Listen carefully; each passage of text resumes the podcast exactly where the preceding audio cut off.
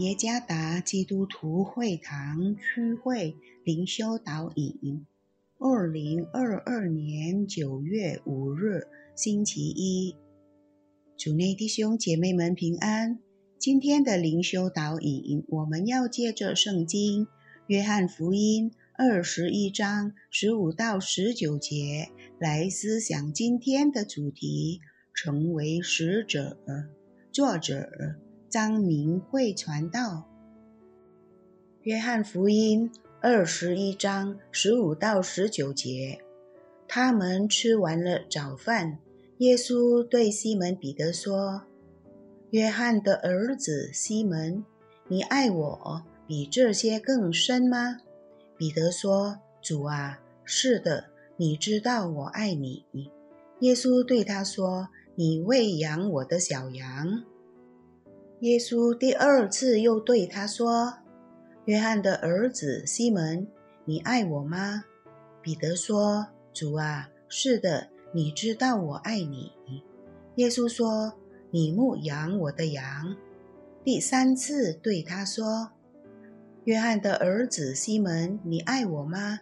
彼得因为耶稣第三次对他说：“你爱我吗？”就忧愁，对耶稣说：“主啊。”你是无所不知的，你知道我爱你。耶稣说：“你喂养我的羊，我实实在在的告诉你，你年少的时候自己束上带子，随意往来；但年老的时候，你要伸出手来，别人要把你束上，带你到不愿意去的地方。”耶稣说这话。是指着彼得要怎样死，荣耀神。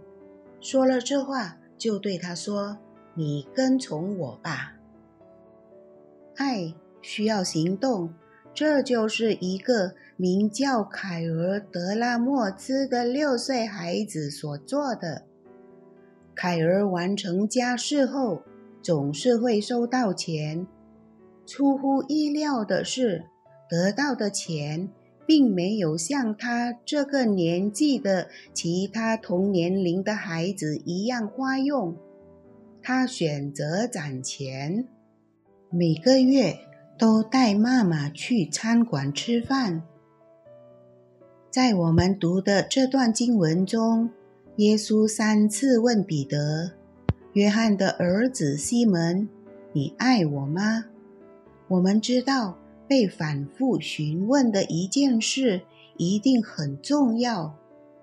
耶稣知道彼得是一个不假思索、行动迅速的人。